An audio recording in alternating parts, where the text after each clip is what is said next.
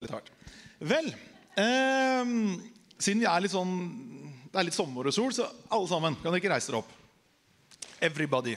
Vi trenger litt sånn Ja. Og så Dere som er førstefødt, altså du som ikke har noen eldre søsken eller enebarn, du skal sette deg ned igjen. Altså Da står vi som er nummer to eller tre eller fire. ikke sant? Hvis du har en eldre søsken, så er du stående. Ok, Det er dere jeg skal snakke litt til nå. Dere kan sette dere ned. Så kommer første slide opp her. Men dere som ble stående sist nå, det er dere skal jeg snakke litt ekstra. For jeg kommer Jeg er nummer to. Dere kan sette dere ned. Sett dere. Jeg trenger ikke bli stående hele tida. Jeg er nummer to. Og jeg tenker at øh, jeg, skal snakke, jeg skal snakke om det om å gi. Uh, også min største og første inspirasjonskilde til det, det er mammaen min. Fantastisk dame som jeg er veldig glad i. Eh, så, eh, så er det et bilde da, som jeg skal snakke litt om senere. Kommer det opp? Nei, kan komme opp. Kanskje kommer det snart. Eh, ja. Det er meg. No surprise. eh, men jeg ba ikke om det bildet. For det, det var 17. mai, akkurat den tida her nå, husker jeg veldig godt det. At jeg og pappa vi gikk ut i skogen, og så plukka vi en diger bukett eh, med liljekonvall. Og det lukta i hele huset. Eh, men det jeg husker ikke, Jeg husker ikke så veldig det at jeg gikk ut og plukka de, men jeg husker veldig mammas reaksjon. For den var så overstrømmende begeistrende. Sånn, det var så fantastisk. Og jeg blei så glad. det var det beste i verden var å plukke liljekonvall til mammaen min. Og så hadde jeg akkurat samme opplevelsen eh, når jeg var ute og plukka mm, jordbær. Har dere vært med i åkeren? Dere har levd opp i den tida, liksom, noen av dere i hvert fall, hvor det var viktig å plukke masse jordbær, for du skulle ha syltetøy som skulle vare gjennom hele vinteren. Så vi gjorde det. Vi plukka 50 kilo jordbær, tror jeg. Eh, og de fleste syns det er møkka kjedelig. Men når jeg gjorde det, og mammaen min var der, så blei hun så utrolig glad. Hun ble kjempeglad. Så, så, det var veldig gøy. Det var kjempegøy å gå i åkeren. For jeg visste Da får jeg masse skryt, og mamma blir glad. og det er god stemning. Og Samme blåbær. Jeg plukka gjerne 20 liter blåbær. da. En, dag, en gang så solgte jeg en sånn 10-litersbøtte for å tjene penger på butikken her da, i Hurdal. Vi skulle bruke noen fargestoff, og så tjente jeg 30 kroner på det. Det syns ikke mamma var noe særlig. og vi gjorde ikke det noe mer. Så jeg ringer mammaen min og så sier jeg, mamma, eh, du har, har, du ikke et eller annet bilde fra når jeg kom hjem med hviteis eller plukka blåbær eller jordbær? Jo, det skulle sjekke da. Går igjen fotoalbum? Eh, nei. Har vi bilde av storesøsteren min som plukker blomster? Ja, ja, selvfølgelig. Mange. Har vi bilde av nummer to som plukker blomster? Nei, det har vi ikke. det er tøft å vokse opp som nummer to. Så du som sto sist, du har min sympati. Jeg satt eh, I litt voksen alder så, så jeg gjennom fotoalbumene til, som mamma hadde laget. Søsteren min. Svær sak. Og det er dokumentert side opp og side ned. Og så kom jeg til min, som jeg har hatt i mange år. Jeg synes den var kjempefin. Fireårsbursdagen min er på side tre. Side én blir jeg født, side to er det noe greier. Og på side tre så er fireårsbursdagen min! Nei, Jeg bare håper at du som er liksom, du kjenner deg igjen, du som er nummer to, tre, eller fire eller fem. Eh, det er tøft. Livet er beinhardt. Skjønte jeg først i voksen alder. Så det eneste jeg klarte Det var det bildet mamma klarte å finne fram. Meg med en fisk, og hun liker ikke kommer fisk. Det er fra en guttetur. Mamma var ikke der engang. Det eneste bildet hun klarte å finne av meg fra barndommen når jeg kom hjem med et eller annet. Og så sier hun til meg ja, men Øyvind, jeg, jeg, tror egentlig ikke jeg ble så glad for fisk. Nei, helt riktig, mamma. Du ble ikke glad for fisk. men det er alt vi har, og da tar vi opp det. men poenget det er at mammaen min hun skapte noe tror jeg, i meg. Jeg har reflektert på det senere. Men den utrolig gleden det er å gi. Og det er litt det jeg håper å kan formidle til deg i dag. Den enorme gudgitte gleden og velsignelsen det er av å velsigne andre. Den så jeg en av mammaen min. Jeg så en som virkelig liksom ble begeistra. Og det satt spor i meg.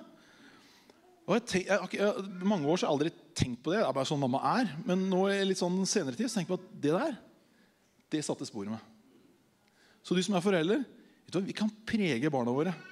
Vi kan lære dem til å leve et givende liv, et Jesusliv, ved å vise det begeistring. Ved å gå foran. Yes, yes.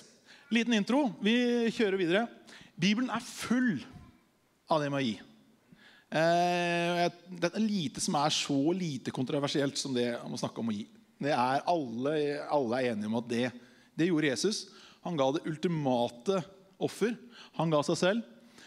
Eh, og Det står i ordspråkene 11, 24, 25 altså masse masse bibelvers. Eh, ikke tatt på så mange av dem, men det står Den ene strør ut, men får allikevel bare enda mer.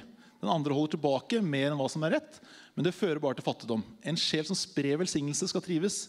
Den som vanner rikelig, skal også selv få rikelig å drikke. Og Sånn er det i livet. Er det, er det ikke mystisk? Jeg har undra meg over det mange ganger. Det er, Jeg vet meg selv. Når er det jeg trives aller, aller, aller best? Det er jo når jeg er med og gir noe til en eller annen. Og de blir glad. De får et eller annet løft i livet. Det påvirker dem på en eller annen måte som, som drar dem mot himmelen. Det er de situasjonene jeg virkelig kjenner at Yes! Dette livet, det er gøy å leve. Ja, og så er det faktisk ikke Jeg har fått mye greier også. Jeg har stadig blitt velsigna med ting. Og det er, det er fantastisk, det òg. Men det er ikke så bra. Mange syns sikkert det er fantastisk, og dere som har vært konfirmanter. Det er fantastisk. Penga bare ruser inn. Prøv å gi de bort. Åh, det er deilig. Vi kan bare gå videre til neste slide. Du kan bare ha de oppe, så kan vi bare gå videre etter hvert som de kommer. Og husk Herren Jesu ord, at han sa Hva sa han? Det er saligere å gi enn å få. Eh, i dag blir det litt sånn historietime. For jeg vet at når jeg er på Prekner og på bilbæsj nummer fem, så detter jeg fullstendig av. Da blir jeg trøtt og sliten, og huet begynner å henge. Eh, så i dag skal jeg fortelle historien, for det er lett å henge med på. Da er folk med liksom, og husker hva som blir sagt. så, så, det skal jeg gjøre i dag. Eh, og så skal jeg gjøre det litt motsatt. For du har hørt eh, Og dette har jeg vært litt sånn kamp litt fram og tilbake med meg selv. Skal jeg ikke, skal jeg ikke. Men landa på at det skal jeg gjøre. For du har hørt utrolig mange historier i kristne sammenhenger om det om å få. Det vitner folk om. Jeg fikk det, og jeg fikk det, og det var postkassemirakel her, og jeg fikk penger der, og det skjedde, og det skjedde der. Veldig bra, veldig inspirerende. Og så blir man jo preget av det man hører. Men det er veldig få ganger, og kanskje det er greit, at du får høre historier om å gi på den andre sida. For har noen fått, så har noen gitt. Sånn, ofte så er det én til én. Eh, så jeg skal fortelle om noen mine opplevelser rundt det. Og så vet jeg at de som står på torvene og skryter at de har gitt, de har fått sin lønn. Jeg, ok, I'll take my chances. so be it. Så får vi håpe at det er noe igjen. så hvis det røyk et par månedslønner i himmelen akkurat nå, så er det, da får vi leve med det. Heidi og jeg, eh, det er kona mi, sitter der. Vi er gift. Eh, vi er gift og har tre barn. Eh, og så var vi på Rauland og sammen med hele, hele Heidis familie. Og på første slalåmturen så er det en liten grevling som klarer å brekke armen. Av nevø, da. Som heter Leander. Så, og da, De er kommet fra Hauge i Dalane. Kjørt opp til Rauland. Det er ganske langt. Jeg brekker liksom armen dag én på fredag. Og det fins altså, glem sjukehus der. Det eneste løsning. De måtte ned igjen, og begge foreldrene måtte være med. Og Da har de to kids til da, som blir veldig lei seg. Og jeg tenker hm, This is my time to shine. Her kan jeg faktisk, det er, jeg, det er ikke så lett for meg. i hvert fall. For noen er det veldig lett. Men det har ikke vært så lett for meg å relatere til alle nevøer eh, og nieser. Eh, men plutselig kunne jeg bidra med noe, så jeg tenkte jeg skal sannelig kjøre kiden. På søndag kveld, han, for De hadde gleda seg så til å være sammen der oppe. Stå på slalåm, være sammen med søskenbarna og kose seg. Og så måtte de hjem fredag kveld. Det var krise. Og Foreldra kunne jo ikke kjøre hjem igjen og så hente de, Det var, funka ikke. Jeg tenkte, da skal jeg gjøre det. Det ble en fantastisk tur. Plutselig fikk jeg en relasjon til Vegard, da, eldstemann der. Så, og etterpå så, så spurte han hva var det beste med turen. på Raulandsturen. Det var at jeg kunne bli. Og jeg tenkte halleluja. Og det endra noe mellom relasjonen med han og meg. For plutselig kunne jeg være med og velsigne han på en måte. Jeg kunne være noe for han. Eh, og det er det eneste jeg husker fra den turen. Det var sikkert fint resten, men det er det, og det kan jeg glede meg over ennå. At jeg, For et lite sånn øyeblikk så kunne jeg være til en forskjell for et menneske. Det var kjempenydelig. Eh, I fjor så ja, Bitte liten ting. Vi skulle vekk jeg, eh, jeg har en venn som, eh, som kanskje sitter og ser på den streamen nå òg. altså, han skulle gjøre det. Jeg vet ikke om han gjør det. Hei i tilfelle. Jeg vil ikke si hvem du er. Men eh, som jeg, jeg lånte bort båten til han og kona. Eh, og, og, så fortalte han etterpå at det var den beste dagen i hele fjor sommer. Han og kona, eh, som ikke har noen båt eh, som, De kunne de dra ut. Bare de to. Sette igjen kidsa hjemme et eller annet sted og bare kose seg i finværet. Og så kan Jeg få lov til å være med, jeg kan være en liten del av det. Og være med og legge til rette for at noen kan kose seg. Noen kan få litt bedre livskvalitet. Det gir meg utrolig glede. Er, jeg, tror, jeg, tror, kanskje den hendelsen er den største gleden jeg hadde av båten i fjor sommer. ja, men det er sånn. Jeg vet ikke åssen. Du liker ja, Nå skal, er det, skal han sies at jeg er ikke noen båtmann. Jeg liker ikke den båten. da kan du ha hele greia for meg en del. Slipper å dra ut han, så er jeg kjempeglad. Hvordan ødelegge sin eget poeng. Eh, er det noen her som har vokst opp i sånn, eh, vært med på den karismatiske eh, trosrøysla? Det er sikkert en del av dere. Vi som er over 40, har i hvert fall vært der. Eh, det var mange Det var et veldig Jeg tror det var litt usunt fokus på det å få. Vi skulle liksom stå i tro. Det er veldig bra å stå i tro. og det er, jeg skal ikke si noe mot det. Men det blei litt sånn materialistisk fokus. Det å be om en bil var litt sånn hype. da få en bil. Men jeg husker det. Etter det som jeg har fått av moren min, så var det hver gang det, sånne ting kom opp, så tenkte jeg Jeg hadde null inspirasjon for å be om en bil. Jeg tenkte at jeg vil være på den andre sida. Jeg, jeg, jeg, jeg, har ikke noen gang gitt bort en bil, men eh, hvem vet? Kanskje vi gjør det en dag. Men jeg tenkte så mye morsommere å være på den andre sida der. Hvis jeg ser noen her som har et behov, og som trenger en bil eller trenger et eller annet, hva kan jeg gjøre med det? Det er utrolig mye inspirerende. Altså, få en bil, ja. Har du en bil, da? Hvis du har gitt en bil oh, Det er gøy. da snakker vi. Yes, Vi kan gå videre. Her, vet du. Her kommer Frode. han dukka opp. Det ble uten varsel. Si han fikk fem minutters varsel før møtet. her. Det er sånn jeg pleier å gjøre. Jeg bare smekker folk opp på tavla, og så er de der. kan de ikke si noe, vet du. Det er så deilig. Nei da. Eh, vet du hva? Det, med, det med å gi, det er noe du kan oppleve en utrolig glede ved. Samme som man kan oppleve utrolig glede ved veldig mange sider av det Gud har. Eh, I kirka vår har vi snakket masse om Den hellige ånd. Det å oppleve Gud, det å oppleve Hans nærvær. Eh, og Hvis du legger merke til lovsanger, hvis du hører ned på lovsang, hvor mange av de lovsangene sier ikke noe om det at de lengter etter mer av det nærværet, være sammen med Gud, at Gud skal komme eh, i hundre varianter. Hvorfor det? Jo, for jeg tror veldig mange av disse som har laget de sangene, har opplevd det å være nær Gud og det som det mest nydelige i denne verden. Og Derfor sier vi på Connect-gruppa mi da, nydelig. Å, nydelig, sier Frode. nydelig. ja, vet du, Da har Frode veldig bra. Og det er noe med å smake og kjenne. Jeg, og jeg har gått en vei der. Og Frode har vært inspirasjonskilde for meg til å gå nærmere Gud og Den hellige ånd. Og, og, og jeg tror eh, Frode som eksempel da, har smakt på Den hellige ånd. Og Derfor står jeg, det står 'join the'. Jeg er helt sikker på at det står 'Holy Spirit' under. Jeg vet ikke, jeg har ikke spurt, men det er det vi tror. Vi sier det i dag i hvert fall. For når du har smakt Den hellige ånd, når du har smakt Guds gode gaver, så vil du ha mer. Og Derfor er det noe med Frode og en driv etter mer. Og jeg tror det er sånn med mange sider, også det med å gi. Også det med, Hvis du velger å være en velsignelse og smake på det, så tror jeg du vil ha mer av det. Derfor håper jeg at du får med deg litt inspirasjon i dag til å ta to nye steg på det med å gi. Vi går videre. Det var ikke så farlig, det, Frode. Det gikk bra. Ja, nå kan du puste ut.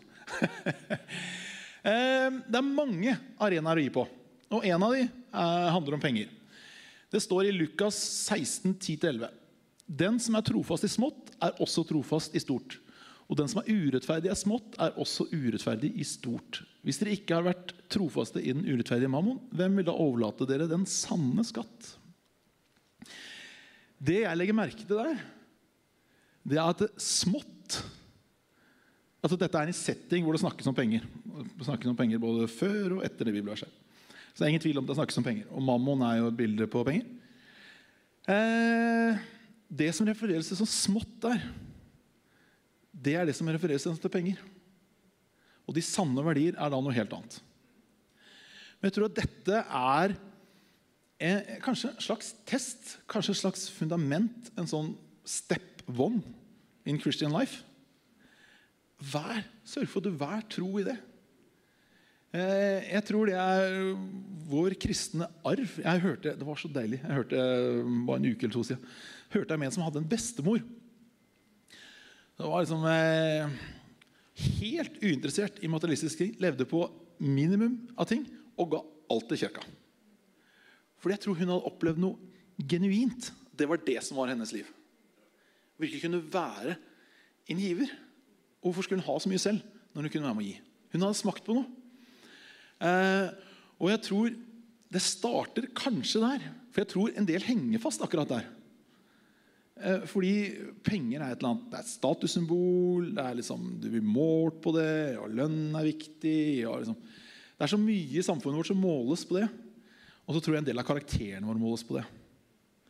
Så Derfor er jeg frimodig med å si det. Start der. Vær trofast giver. Det er, Pengene dine symboliserer tiden din, en del av livet ditt. Du har jobbet for å tjene dem. Eh, mest sannsynlig hvis du ikke tok dem på Lotto. da, hvem vet? Kan jo skje, det òg. Men ikke for så mange. Men det er et parameter som Bibelen beskriver som lite. Det er smått. Det er ikke veldig verdifullt. Men jeg tror likevel det er step on. Så eh, skal man gi tiende. Jeg tror på tiende. Ikke som et påbud. Overhodet ikke. Eh, jeg tror det er et bibelsk prinsipp. Det var jo tolv stammer. Eh, elleve av de ga tiende til den tolvte stammen. Det betyr jo at den tolvte stammen hadde litt mer enn de andre elleve. faktisk, Hvis alle gjorde det. Do the math. Nei, jeg vil glemme matematikken. Sorry. Det blei ble tungt. Vi rygger veldig fort ut av den. Men eh, det var Guds ordning. Og jeg tror fortsatt det er Guds ordning. Men det er ikke loven. Det er ikke påbud. Det er ikke sånn at du skal og du må. Absolutt ikke. La oss holde oss langt vekk fra det. Start gjerne med å gi en halv prosent, eller en eller en promille, eller hva du vil for meg. Men begynn der, og vær trofast i det. Bestem deg for jeg skal være med. Jeg skal være med og bidra også på den fronten. Jeg tror det er godt for oss. det står som førstegrøden. Det er ikke det som bleien etter at du, skal til Syden, og vi må ha en ny bil, og vi må ha avdrag på ditt, og vi har den TV-en. Det er liksom, Gud har faktisk sagt at bær førstegrøden inn. Han er frimodig med det. Bibelen. Jeg syns det er noe deilig med det. Bær nå det først inn, for det er prioriteten vår. Er det som betyr mest for oss. Det er å leve med Gud og Hans rike. Ja. Eh, neste. Eh, og så en liten sånn digresjon som jeg også har tenkt på. Eh, Det er utrolig mange ganger og det er veldig fristende da, ikke sant? Etter sånn, når man begynner å snakke om gi, og så, ja, da er det fristende å komme med Lukas 6,38. Gi, så skal det bli gitt dere et stappet og rystet mål, og det skal renne over, og du skal få bøtter og spann. Bare gi til kjerka, så kommer det til deg. Hundrefold. Det er veldig fristende. Det har hørt det sikkert flere ganger. Og det er ikke noe feil i det. Dette er Bibelen. Gud gir. Og blir, hvis du gir, så blir du velsignet. Det tror jeg på. Men jeg tror det er noe med holdningen der som jeg tror kan bli gæren. For jeg kunne ønske at vi er en kirke. Vi gir for å gi. Punktum. For Gud tar seg all den der eh, velsignelsesgreia. Men vi gir kun for å gi. Ellers så tror jeg vi ender opp i sånn materialistisk, eh, egoistisk kirke. Ja, nå som Jeg gir, men jeg gir fordi jeg skal ha 100 ganger tilbake. Det, sånn skal det være. Hvis det ikke blir sånn, så skal ikke jeg gi noe. Nei. Jeg tror Gud elsker en glad giver. Det er det Heidi og jeg skrev inn i ringene våre. inni her. Gud elsker en glad giver. Og det ønsker jeg at vi skal ha her. Jeg ønsker at den kulturen her skal være preget av. Og jeg tror den er veldig det. Jeg gleder meg til å gå i kirka, for jeg møter så mange glade givere. Eh, Jeg møter så mange som er positive, som heier på og kommer med smil og litt sånn. Det er nydelig. Ikke sant, Frode? Det er nydelig. Blant mange andre ting. Og det du investerer i, det får oppmerksomheten din. Når du kjøper en ny bil, så er den bilen kjempefin. Og du ser på den bilen, og plutselig hvis du har kjøpt din første Kia, så ser du Kia overalt. Ikke sant, Anne? Ja, det gjør vi fordi at du ser den bilen, og den bilen har fått fokuset ditt. For du har kjøpt den bilen. Du har bygd et hus, eller du har pussa opp kjøkkenet. Da ser du på kjøkkenet neste fire stykker som du besøker. Der ser du på kjøkkenet. Du går inn i kjøkkenet, og du ser hva slags komfyr de har, hva slags kjøleskap de har, om de har hva slags løsning de har. For det kjøkkenet har fått oppmerksomheten din fordi du har investert i kjøkken. Så er det veldig enkel matematikk. Hva skjer når du begynner å investere i kirka? Amen. Vi kan gå videre. Jeg skal fortelle deg en nydelig historie. Nå, er, det, har vært, nå, nå har det vært tungt. Nå har det vært i Bibelen, nå har vi bibelvers, det har vært greier. Nå må vi over i historiefortelling. Det er en nydelig historie. Eh, det du ser der, er min svigerfar. Eh, pappaen Heidi han døde dessverre for fem år siden. Eh, på hver sin side så har du først John, og så har du Davis. De eh, kom til Norge. Eh, begge de to har mista pappaene sine, så, og de har jo en haug med søsken. Eh, så begge de to endte opp med å forsørge familien sine. Og de hadde brukt henholdsvis seks eller syv år på å bli rimelig ferdig med år én av lærerstudiet. Og så har du fem år igjen. Og da kan du begynne å regne. Fem ganger syv er 35 år liksom, på, på lærerstudiet. Det blir litt tungt. Eh, eh, og så kom de inn i et program hvor de fikk lov til å komme til Norge eh, og selge bøker på sommeren og tjene penger, eh, sånn at det kunne være med å finansiere neste skoleår for dem. Eh, men å komme til Norge som en kenyaner uten egentlig noe særlig intro til uh, hvordan det er i Norge, det er ganske tøft. Du forstår ingenting av kulturen. Uh, og hvor tøft det er egentlig å gå De banka på dører til folk. Skal du kjøpe en bok? og, uh, så de var utrolig fortvila. Og det regna masse den sommeren. De var våte. De skjønte, skjønte ikke den kulturen her. John hadde, skulle kjøpe tannpasta. Han endte opp med sånn derre skinkeost. Skulle pusse tennene. Det blei tannbørste med skinkeost. Kjøre på. altså, da har du tøft utgangspunkt. og de fiksa ikke dette salget, og det gikk dårlig. Og han var fortvila. Hadde jo ikke penger, og de leide en leilighet nede i byen. Den kosta jo grusomt mye i forhold til deres økonomi. Så, så de, de, gikk jo omtrent ikke rundt for dem. Eh, og sin, i sin fortvilelse så roper John ut til Gud. Jeg må ha hjelp. Eh, og så hører han i sitt hjerte gå til det huset. Da var han 100 meter unna huset til svigerforeldrene mine. Gå til det huset, der skal du få hjelp. Eh, og så gjør han det. Han går dit eh, og banker på døra. Der er barna våre på overnatting. Eh, og med en dertil litt stresset svigermor som ikke er så glad i å snakke engelsk. Hun eh, kommer litt sånn med fire barn, og det var det mye mindre enn de er nå. selvfølgelig eh, kommer hun og lukker opp døra, og der står det en ganske mørk mann som hun ikke kjenner, og som snakker engelsk til henne, og hun blir ganske stressa. Så nei, altså det er nesten sånn Dette har jeg i hvert fall ikke tid til. Så hun sier et eller annet 'no thank you', uh, bye bye, uh, lukker inn døra, og så kjenner hun bam, hjertet. Han skal du invitere inn. I den situasjonen, Jeg vet ikke mange av dere som hører fra Gud i sterkt stressede situasjoner. Jeg er veldig dårlig på det. Svigermor derimot, fantastic. Bare et lite sånt våkent øyeblikk. Så åpner hun døra igjen og sier at eh, 'Jeg har ikke tid, men gå opp og snakk med mannen min.'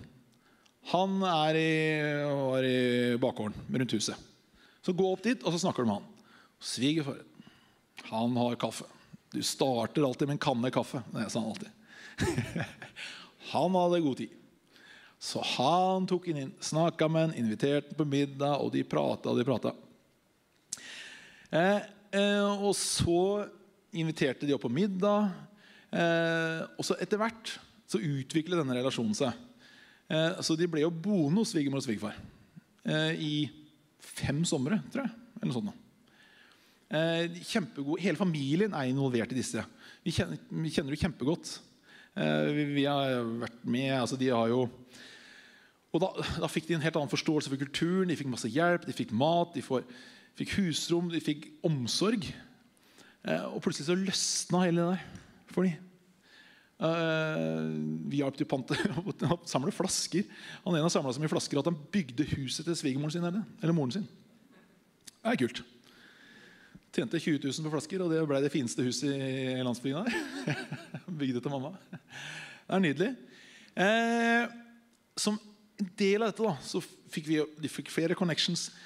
Uh, og de klarte å tjene nok penger til at de fikk finansiert neste år og neste år. De blei ferdig med utdannelsen. Han ene har nå starta en skole. Der er det 200 elever.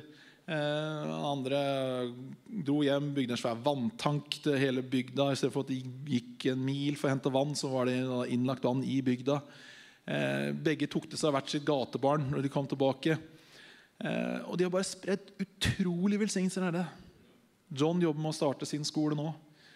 Det har vært så mange ringvirkninger. Og han var på nippet til å reise hjem når han sto foran huset til svigerforeldrene mine. Og jeg tenker, For en nydelig sak. At svigermor hadde litt åndelig våkenhet der, og så inviterte han inn. Og en svigerfar som har et svært hjerte, som sier, 'Kom, jeg har faktisk plass til deg'. Det er nydelig. Jeg elsker den historien. Jeg, jeg var jo sånn Jeg er ikke er litt treigere. Heidi er veldig flink til å bli kjent med nye. Jeg bruker litt lengre tid. Uh, så altså, Jeg tok meg litt tid å bli kjent med disse. Men det er helt utrolig fine mennesker. Når jeg er sammen med de, jeg blir så velsigna. Jeg får perspektivet på livet og kjenner bare Oi! Her er noen som virkelig lever med Gud, som vil noe med livet sitt. Har utrolig lite ressurser, men bruker det på en helt absurd bra måte. Ja, det inspirerer meg. Så vær med på den. Eh, jeg håper at Heidi fått dratt ned og besøkt dem snart. Vi har jevnlig kontakt med dem. Og der nede da, Vi har jo hjulpet til litt med litt forskjellige ting. Så der nede er, er Gunnar Ramslin, heter jo svigerfar. Der nede er det Gunnar Ramslin Chapel. Det er kirka som står i, i den der skolen. da. Gunnar Ramslin Chapel. All right. Yes, um, Vi kan gå videre. Eh, når jeg talte i høst, så snakka jeg litt om Kristoffer. Eh, og Jeg skal ikke ta så veldig mye på det nå.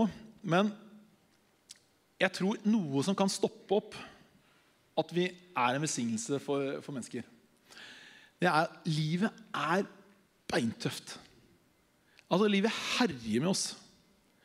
Eh, og jeg tror du kan snakke med hvem som helst i denne salen her, så vil du ha ganske mange tøffe erfaringer. Det kan være med sykdom, det kan være med økonomi, hus, det kan være med relasjoner. Det kan være Big thing som er nå, er jo psykisk stress. Det er så mye som skjer. Du skal levere på så mange fronter at du blir så sliten at du orker ikke. Altså, livet herjer på. Eh, for Kristoffer så fikk han en stressrelatert hodepine når han var eh, fjerde klasse. Da er det rundt ti år. Eh, og holdt på å dette helt ut av, skolen, eh, rett og slett. Og, har, så har vi hatt masse runder. Vi har vært på Rikshospitalet og fått masse hjelp osv. Men det har vært beintøft. Og så blir spørsmålet for meg er Kristoffer et offer? Eller er han ikke? Jeg sitter og tenker litt på. Han er jo det. Han er et offer for en helt uh, uforskyldt sak. Og det er vi veldig mange. Veldig mange av oss er det. Du, kanskje det har vært en ulykke, det har skjedd et eller annet, noen har gjort noe dumt mot deg. Det skjedd noe med økonomien. Det er tusen ting som skjer i det livet her. Som man er uforskyldt for. og som kan trøkke oss ned. Det kan gjøre at det blir veldig krevende. Spesielt det å få til å være en gi. Giver er en sånn overskuddsaktivitet. Skal jeg gi til noen, så da må du være, kan man tenke at man må være litt oppe. Men jeg tror det har mye med hjerteholdningen. Så satt jeg og tenkte på deg. Er Kristoffer et offer? Da tenkte jeg Kristoffer har jo sannelig offer i navnet sitt. Det var drøyt. og så Det var da jeg begynte å grine hjemme i sofaen. Så ser jeg at Kristus står foran det. Kristus er hans offer. Han er Kristus, jeg har aldri tenkt på. Men Kristus gjorde offer for at han ikke skal være det. Og det er han for deg òg. Eh, jeg snakka masse med Kristoffer, og han har kommet seg videre. Og er nå på Kvitsund og har det veldig bra der, men går fortsatt omtrent halvt halvtid på skolen. Men med det budskapet her at du er ikke et offer. Ditt hjerte, din holdning, den kan likevel skape masse. Du har masse å gi til andre, selv om du ikke er A4. Når du er, når er 17 år. Selvfølgelig føler du på det. Jeg går omtrent halvtid på skolen. Det er beintøft. Jeg er ikke som andre aldre. Jeg er unormal. Eh, hva, hva, skjer? Hva skal det bli med meg? Og Vi snakket masse om det her. Og, og fått sådd mye inn i hans hjerte. Og jeg vet han tenker at han har en framtid. Han har mye å gi. For han er ikke et offer. Ja, du er kanskje et offer, men du trenger ikke å være et offer i hjertet ditt. Ja, masse ting skjer. Og masse ting har skjedd for han òg. Men vi kan allikevel gå videre. Ja, vi kan gå videre. Jeg tror vi skal ta de to neste litt kjapt. Eh, hvis du blar på. Eh, jeg tror vi bare kjører videre. For tida begynner å gå. Jeg prater meg helt vekk. Dette var jo bare Jeg nevnte det sist. Forhold til Kristoffer. Hva måtte vi gjøre? Eh, for det det ble for mye greier. Vi skulle få levere på for mange arenaer. Og så måtte du bare si at på et eller annet sted så mestrer du livet. På et eller annet sted så går dette bra. Og det er mange ting som ikke er så farlige. Og jeg tenker at Det kan være godt for mange. Finn et sted hvor du kan finne disse fire tingene. Hvor du kan ha oversikt, du kan ha mestring, du kan ha forutsigbarhet, du kan ha kontroll. Det er bare å ta det ned på et eller annet sted så finner du det.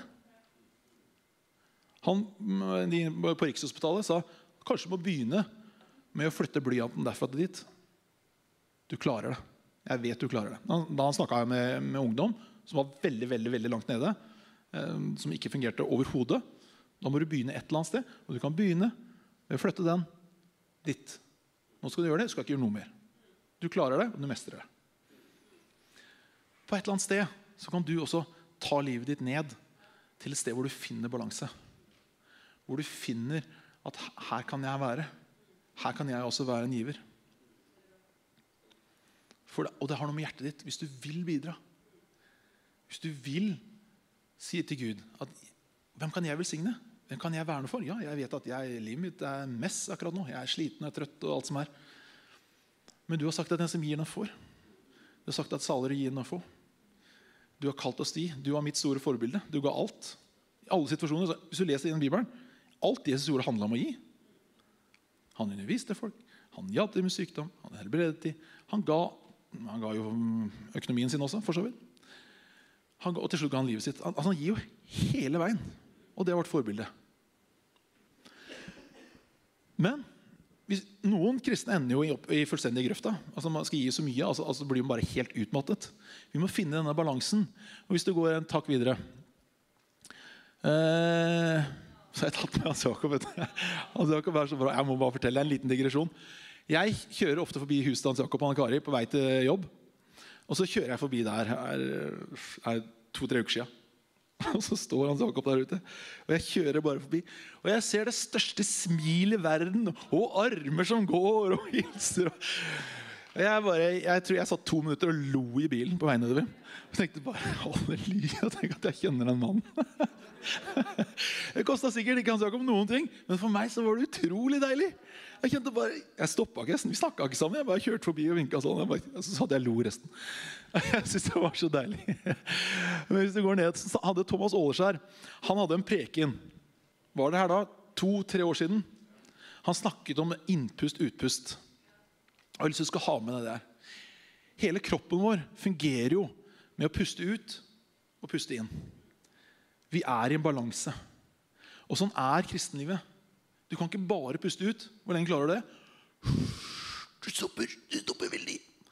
Ikke sant? Det går ikke. Du må puste inn. Og Hvis du bare puster inn, så blir det jo oppblåst boble. Funker ikke det heller? Dette fungerer i en sånn naturlig harmoni. Jeg tror det er sånn vi er skapt. Du trenger input og du trenger output. Og jeg tror Gud har skapt oss til å være i den balansen der. Derfor vil jeg ikke bare si 'gi så det svir'. Liksom. Kjør på, gir alt du har, selg huset. Og... Men finn det nivået hvor du kan kjenne mestring, oversikt, overskudd. Finn det nivået hvor du kjenner at du kan puste inn og ut. Ja, dette kan jeg klare å gi, og her trenger jeg å få. Her trenger jeg inspirasjon. Her kan jeg gi inspirasjon. Så finner du en sånn Og så snakker du med Gud om det der. For jeg tror Der blir det sunne mennesker. Sunne relasjoner. Vi trenger, sånn, vi trenger ikke to ukers hyperkirke. Vi trenger en kirke som skal være her i 100 år og gjøre en forskjell. Og Da må vi løpe det lange løpet, men da må du puste. Puste ut og puste inn. Det var fantastisk preken av Thomas når han var her. Som jeg har tenkt, tenkt mye på. Så vi må ha med det der når vi snakker om Vi kan inspirere på forskjellige temaer, og så plutselig blir det for mye. Vi må ha den balansen. Bibelen er full av balanse. Eh, jeg kommer til siste punktet, eh, som jeg syns er um, noe liksom level up. Og det er Gud. Når han, når vi kobler han inn i dette fantastiske prinsippet med å gi, da blir det bra.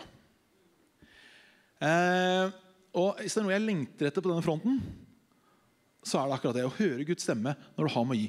Er, vi snakket masse om å høre Guds stemme. Eh, vi hadde jo et fantastisk seminar om å drømme. Og Gjertsen sitter og kikker og lurer på hva som skjer.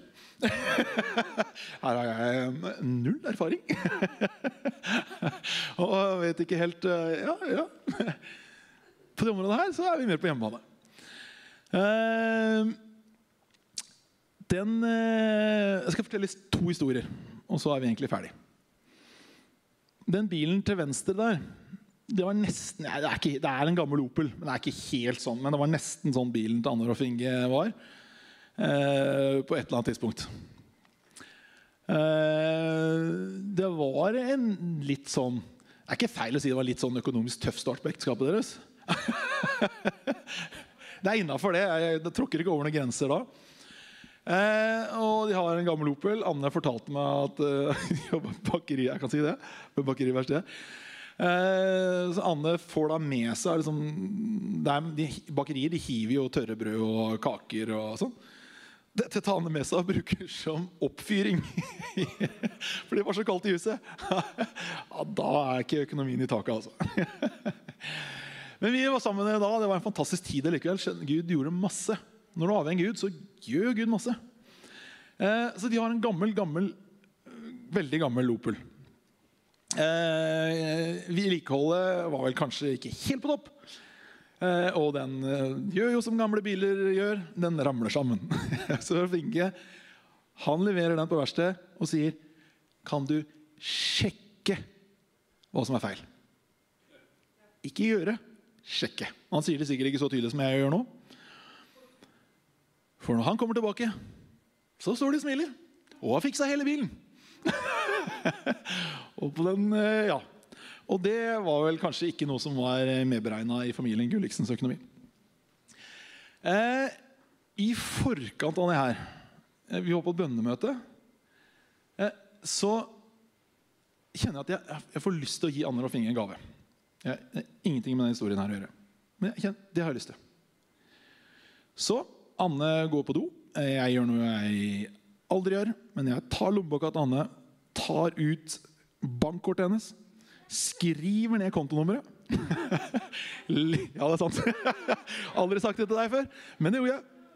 Eh, la dette tilbake. og gjorde ikke noe mer. Eh, og så tok jeg med det, for Dette var old times. Det var ikke noe Vipps og sånn, eller ikke noe nettbank. Tar med kontonummeret, så går jeg ned i Sparebank Grenland og så gjør jeg det jeg ville gjøre. Hadde en litt spesiell samtale med hun dama som satt bak der. Jeg følte meg litt klein. For Hun spurte hva jeg skulle stå på den her. og Jeg sa det skal ikke stå noen ting. Det skal ikke være noe navn. Det skal ikke være Helt wiped out. Eh, så det, og Finge har jo fortalt denne historien ved flere anledninger. Eh, og det har vært utrolig gøy å være på den andre siden. Så jeg, Kom deg på den andre siden. Er der det er morsomt! For når og Finge kommer, og de vet det er ikke penger på den kontoen Og Rolf Inge skal betale for den bilen som han ikke kan betale for, og han tar det kortet og sier 'Kjære Jesus', så er det penger på det kortet. Altså, det er jo kjempegøy! Det er jo fantastisk gøy! Det er mye morsommere for meg enn for Fenke. Kanskje ikke akkurat der og da, akkurat der, for han bare i Jesu navn. bom! Alt greit, god tur, Fenke. Ha det bra. Men det er der det er gøy. Det er der, er der vi lever livet. Vi lever for gi. Eh, Sigfred, Jeg snakka også litt med Sigfred. Han prekte for to-tre uker siden. Jeg tror du fortalte litt av historien. Eh, Sigfrid Helde Maria var jo en del år i Ungdom Oppdrag. Ble ferdig der. Dette spurte jeg om jeg kunne si. Eh, og da var det en litt tøff tid. Eh, fordi du har gitt utrolig mye inn i noe, og så er plutselig kapittelet avslutta. Og hva gjør du da? Hvor går veien videre? Og du ser kanskje ingen sånn connections med hva Gud ville Gud her, og kanskje det blir en del forvirring. Eh, og Så vi, dere var på hytta vår. Eh, vi snakka en del sammen. Og så husker jeg kjørte forbi Rødmyr i bilen min. Og så var det et sånn, kall det et klart øyeblikk. Jeg kjenner bare sånn, kom en noen ferdig tanke ned fra Gud. Du kan starte et firma med Sigfred.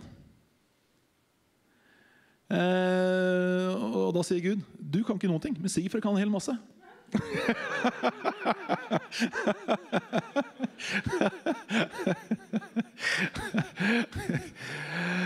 uh, ja, ja det, det, kan vi gjøre. Det har jeg en erfaring med. jeg, jeg, det kan vi gjøre. Så det gjorde vi. Uh, jeg gjorde ingenting. Sigfrid gjorde en hel masse. og akkurat nå er vi faktisk ferdig. Eh, vi, jeg finansierte det. Sigfred gjorde jobben. Eh, og nå er jeg helt ute av det. Sigfred har kjøpt meg ut, og alt er bra. Så det, det var jo morsomt. Det var en lærerik historie. Veldig gøy. Eh, men det er noe med igjen å kunne være på den siden som jeg syns er kjempegøy. Jeg har mine ressurser, du har dine. Gud sa til meg du har ingenting. Bruk ham. Ja, Da kan jeg gjøre det. Og det kan du òg. Kanskje du kan istandsette noen, kanskje du kan oppmuntre noen, kanskje du kan invitere noen.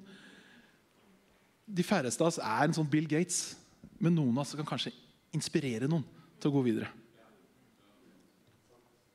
Jeg kan ikke nå 1000 barn i Afrika, men John og Davis kan faktisk det.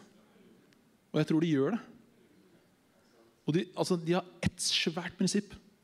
Ingen korrupsjon i skolen. De skal lære dem null korrupsjonsholdning. Og det ødelegger landets korrupsjon.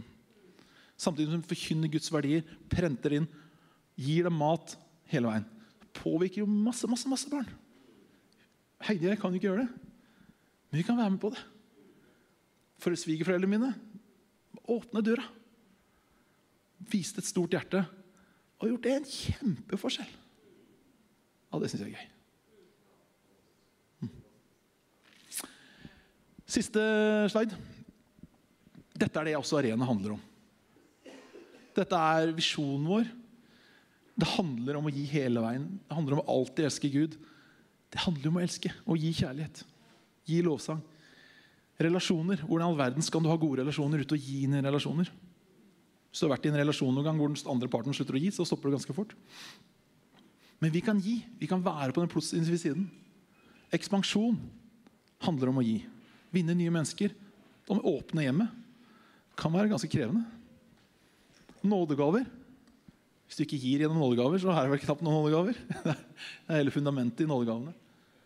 Og det å være aktuell for unge mennesker i dag, ha en kirke som er aktuell, da må vi steppe ut. Jeg er aleine hjemme hver fredag kveld. Det er fordi kona mi er her. Og gir sitt liv inn i ungdommene i kirka her. Jeg har like stor respekt for det hver fredag. og jeg tenker oh, det var deilig å være her. Men du verden. Kona mi er rå. Mm. Men det er ikke sikkert du skal være her på fredag kveld. Men du kan finne din arena hvor du kan være med å gi. Hvor du kan være med å velsigne noen. Hvor du finner balansen. Du finner rytmen. Du puster inn, du puster ut. Men du er likevel der hvor du kan være med å gi. Ok? Håper du har fått med deg litt. Så tar vi og gir lovsang til Gud.